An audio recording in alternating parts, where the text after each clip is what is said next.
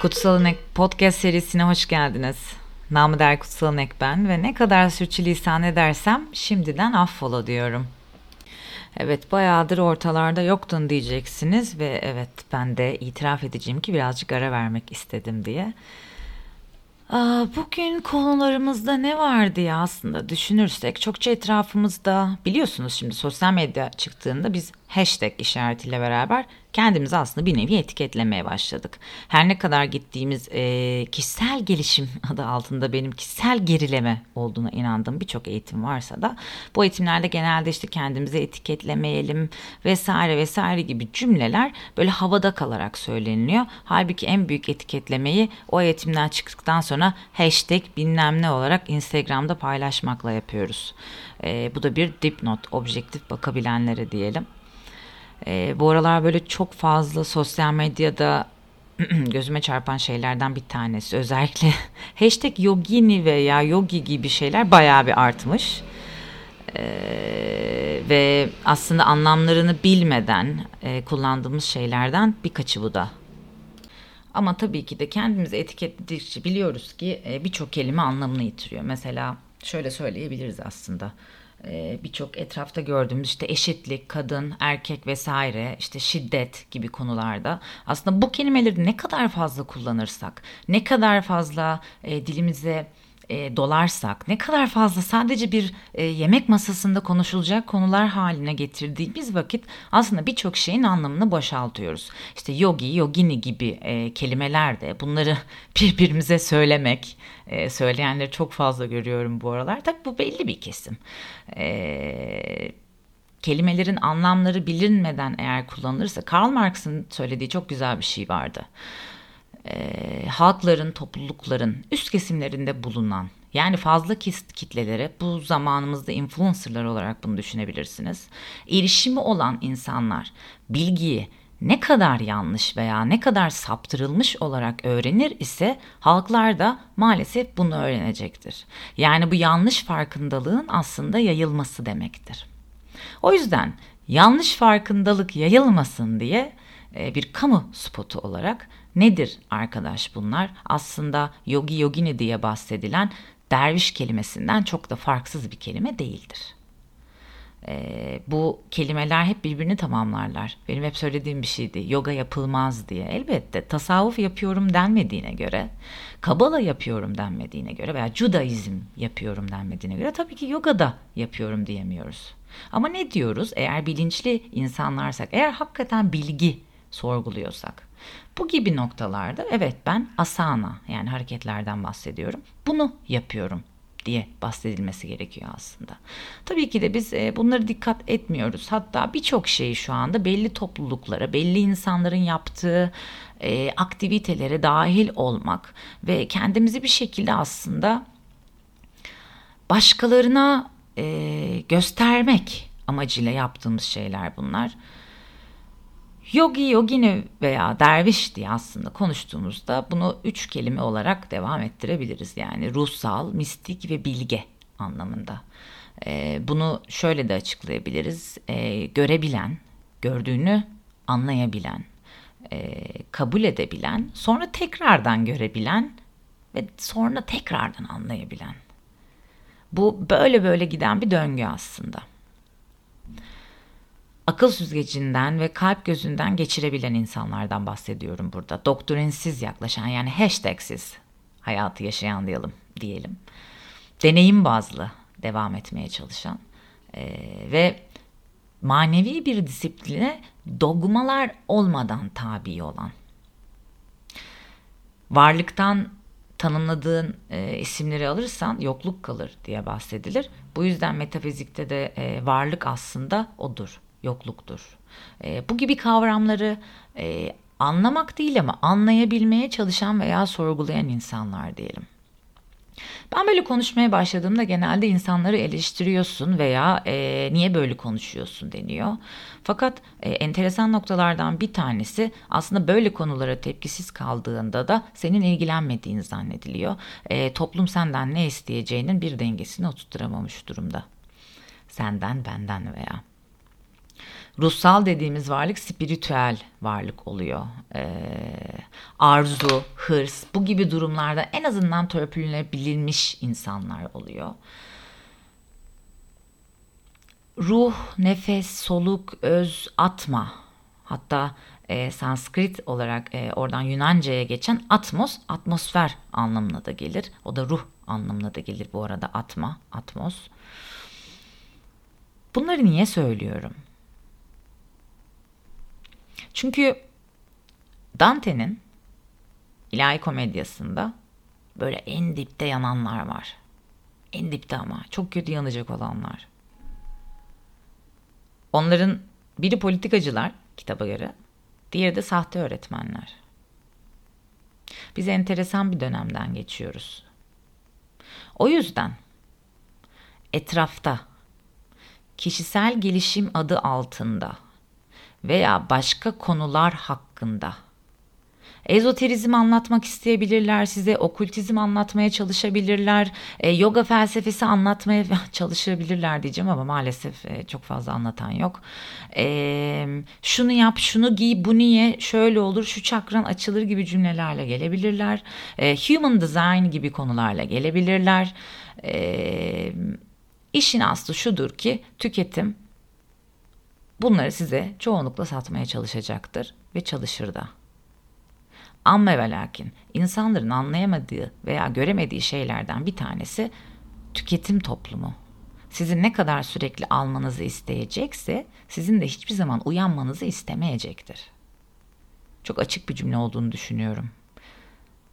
Size bir şey satmaya devam etme, etmesi için sizin hala uyumanız lazım. Belki daha da açık olmuştur şu anda. Etrafta bu gibi konulara merak saldığınızda veya bu gibi konularla ilgilenmek istediğinizde lütfen insanlarda bu üç bahsettiğim aslında kelimeyi ruhsal, mistik ve bilgi olanı aramaya çalışın. Mistiği de aslında şöyle açıklayabiliriz. Ee, bilgi ve sezgiyle hareket eden aslında e, mistisizm kelimesi buradan gelir. Kişinin ondan daha büyük olana e, gözün kulağın da ötesinde ruh ile içten bağlanması demektir aslında. E, meditasyon ve tefekkürün e, ana merkezidir ve aklın da tek başına yetmediği alandır. Genelde şu aralar birçok konu e, buna mindfulness veya farkındalık da diyebiliriz e, gibi konularda dahil olmak üzere bir akılla ve bilimle anlatılmaya çalışıyor genelde. E, mesela geçenlerde bana gelen çok enteresan bir mesajdı bu. Pozitif ve negatif konularına inanmadığınızı söylüyorsunuz diye yazmış birisi. Pozitif ve negatif dediğimiz konular biz istatistikte o değerler arası veya işte öğeler arasındaki ilişkiyi anlatmak için kullanıyoruz. Ya insan çok farklı bir varlık. Sen insanı sadece ha şunu yaptın pozitifsin, bunu yaptın negatifsin diye e, bu şekilde limitleyemezsin. Yani bunlar çok farklı bakış açısı gerektiren şeyler. Fakat biz ne zaman işte en başta bahsettiğim etiketleme ihtiyacı. O kadar fazla etiketlemek istiyoruz ki birbirimizi kendimizi ve bir diğerini. Çünkü etiketlediğimiz zaman bilinmez ortadan kalkmaya başlıyor. Yani hayatı daha çok bilerek yaşamak istediğimiz için bu etiketleme çabası aslında. Ha o pozitif, ha bu negatif, ha ona yaklaşayım, buna yaklaşmayayım. Genelde bir akım başlamış şu anda. Markalar çok büyük bir hata edecek bununla devam ederlerse bu arada. Ee, pazarlama tarafı akademisyen taraf konuşmaya başlıyor burada. İnsanlaşma çabası içerisinde e, çok yanlış yaptıkları bir şey var aslında. Şu andaki dönemde etrafta gördüğünüz celebrity, influencer veya işte kişi olarak gördüğünüz insanlar e, markalaşmaya başlarken aslında diğer markalarda daha çok insanlaşmaya başladılar şu anda. Bu ne demektir? Daha insana yakın e, davranışlar sergilemeye başlayacaklardır. Fakat markalar çok büyük bir hata yapıyor şu anda. İnsana sürekli bir pozitif satmaya çalışıyorlar. Halbuki insanın en dipteki, en böyle deep down dediğin, en kalbinin böyle mamanda diyelim ya olan duygularını, acılarını ve hislerine dokunabilecek bir şey yapamadıkları sürece maalesef o insana e, yaklaşma olayında çok başarılı yapamayacaklar. Çünkü biz ne kadar dışarıdan işte pozitifi pozitifi mutluluğu istiyor olsak da bir nevi e, içimizdeki o bam teline de dokunacak şeyler arıyoruz. Tabii ki bunların hepsi birer manipülasyon dış dünyadan. E, ama hani keşke onu bile düzgün yapsalar. E, etik kurallar ve sınırlar içerisinde olsak ve kalabilsek ama biliyorum çok ütopik geliyor. E, genelde bana böyle çok enteresan e, mesajlar işte geliyor dedim. Bu mesajın devamında da e, ama niye öyle diyorsunuz? İşte güzel ve çirkin diye bir şey vardır. Yani e, güzel ve çirkin en azından benim için herkese göre değişen bir kavramdır. Fakat arkadaştan şöyle bir cevap geldi. Hayır bilim bile bunu kabul etti. Herhalde altın oran vesaire bunlardan bahsediyorum. Nasıl yani dedim. Yani güzellik e, ve e, baktığımız zaman çirkin tamamen kişinin, kişinin bakışı e, açısından alakalıdır. Yani bana göre güzel olan bir şey sana göre çirkin olabilir. Yok dedi efendim öyle bir şey yok. Bilim bunu kanıtladı. Şimdi arkadaşlar bilim çok şey yapabilir. Bilim çok şeyi kanıtlayabilir. Ama unutmayın günün sonunda da en çok insanı sömüren şey bilimdir. Şimdi biz e, bir taraf tutmak için işte bilim mi, ilim mi, o mu, bu mu, işte aman bir taraf dinci olsun, aman bir taraf bilimci olsun. Hep bir karşı bir taraflar. E, bu konuları holistik bakılmadığı sürece nasıl bir manipülasyon içerinizde çekildiğini de görmeyeceksiniz. Yani bilim dediğiniz işte o research işte araştırma yapan üniversitelerin vesairelerde şu anda sadece ve sadece topladıkları datalarda genelde olan şey şu ya tanrıcılık oynanılıyor ki 3D printer böbrek yapmak ve bunu milyon dolarlara satmak bana göre bir tanrıcılıktır. Ee, başka kimse ne düşünür bilemiyorum. Ama bunların yanı sıra ya da bir bakıyorsunuz işte aa diyorsun işte kola gibi bir şirketin e, hissedarlarında niye bu farmasi, niye bu ilaç sektöründen adam var diyorsun. Her şey birbirine girmiş durumda. Bunu Ulrich belki çok güzel açıklardı. Risk toplumunda yaşıyoruz. O yüzden saf bir tarafı tutma şansını çoktan kaybettiniz arkadaşlar. Artık saf bir taraf yok dünyada.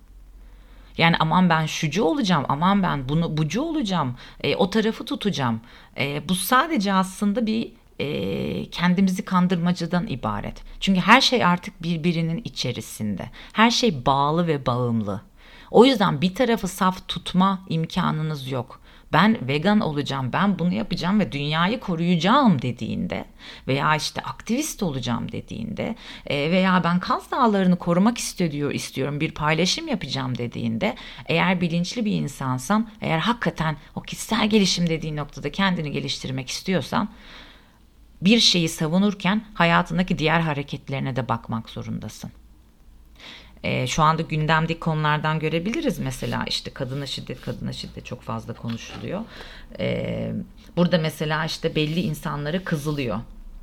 İşte niye çıkıp bir şey söylemedin vesaire gibi. E, o an evet e, kimse birbirinin ayakkabılarını giymeden hiçbir şey konuşamaz açıkçası böyle atıp tutamaz. E, fakat işte hatalarımız şu oluyor biz önceden kendimizi neyle etiketlediysek daha sonra bu konular önümüze çıkıp gelebiliyor. Yani sen göz önünde bir insan olarak atıyorum hep veganlıktan gittik yani hani e, yani e, nasıl söyleyeyim e, işte çocuk mesela istismarı dedim. Bununla alakalı bir sorumluluk e, projesinde yer aldıysan 10 gün sonra işte bunun hakkında bir şey dememe imkanın yok veya işte kadına şiddet diye rol, rol aldıysan bir yere gidip ertesi gün ha ben şimdi diyemeyeceğim bir şey deme hakkın olmuyor çünkü çoktan kendini etiketlemiş oluyorsun. Arkadaşlık ilişkilerinde de bunu düşünebilirsiniz. Neyle etiketlerseniz kendinizi o karşı taraftan o gelecektir size ve karşı taraf da onu bekleyecektir sizden. O yüzden uzunca bir zamandır ben kendimi etiketlememeye çalışma yarışındayım ve kendimle bu da. Şimdi bu olay zaten çok zor. E, hakikaten çok zor bir şey. Etiketsiz yaşamaya çalışmak. E, ve bunların bütün içerisinde kişisel olarak gelişmeni, bir şeyler üretmeni, Şiir mi yazarsın, resim mi yaparsın, film mi yapıyorsun, senaryo mu yazıyorsun, ne yapıyorsun? Proje mi üretiyorsun? Bir insanın o hayal gücü, o yaratıcılık duygusu ancak etiketlerinden ne kadar arınırsa, ne kadar onlardan uzaklaşırsa ortaya çıkmaya başlıyor. Bunu aktörler için düşünebilirsiniz, aktrisler için de düşünebilirsiniz. Kişi ne kadar gerçek hayatında etiketli bir şekilde yaşıyor ise o sahneye de gerek tiyatro olsun, gerek dizi olsun, gerek sinema olsun. O sahneyi de o etiketleri ister istemez tavırlarıyla taşımaya başlıyor. Bu yüzdendir ki aslında çok iyi aktörler diye, aktrisler diye baktığımız insanlar normal hayatlarında e, daha farklı yaşamaya çalışan, e, daha başka başka konularla ilgilenen e, ve kendini bir nevi din, dil, ırk, milliyetçilik falan gibi kavramlardan e, uzak tutmaya çalışan insanlar ki sanatçının görevi de aslında bir nevi bu bütün etiketlerinden arınmaya çalışırken dışarı çıkıp objektif olarak bütün dünyaya bakabilmek. Ve bunu yapamayan işte aktör, aktris vesaire dedik hiçbir zaman oyunculuğu gelişemiyor. Maalesef şöyle oluyor genelde. İlk olarak hangi rolde rol aldıysa, hangi rol onu en ünlü yaptıysa o etiketi de sokakta korumaya çalıştığı için de bir sonraki stepte maalesef adımda gelişemiyor. Ama biz ne kadar etiketlerimize bağlı kalırsak o kadar değişime de kapalı oluyoruz aslında. Çok etiket demek üstünde çok fazla çıkartıp yenisini takacağın etiket demek. Ki bunu yapamıyorsun geçtim. Değişim yolunu da kapatmaya başlıyorsun. Kendini ne kadar etiketlersen bir şeylerle o kadar sıkışıyorsun. İşte o yüzden ruhsal, mistik, bilge, kendini etiketlemeyen.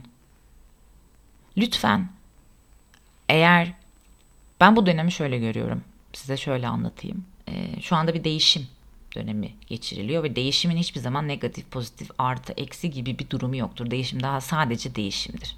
Bir şeyler entegre oluyor. İnsanın farkındalığının yetişemediği teknoloji hayatlarına entegre ediliyor şu anda çok e, hızlı bir şekilde.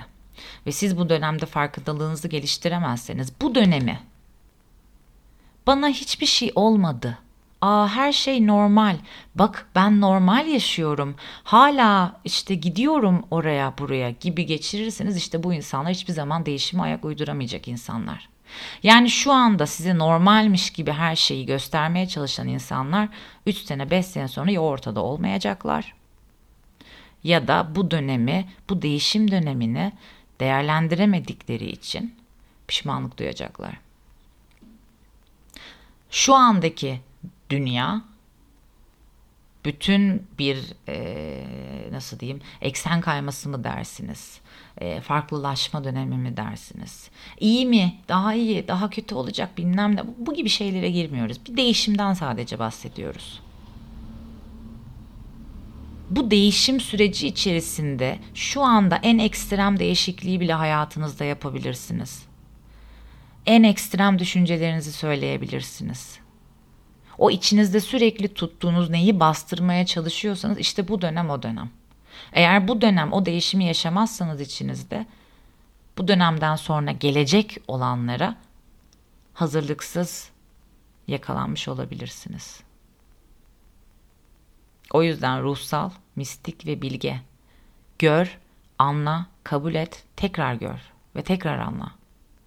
Akıl süzgecinden ve kalp gözünden geçir doktrinsiz, deneyim bazlı.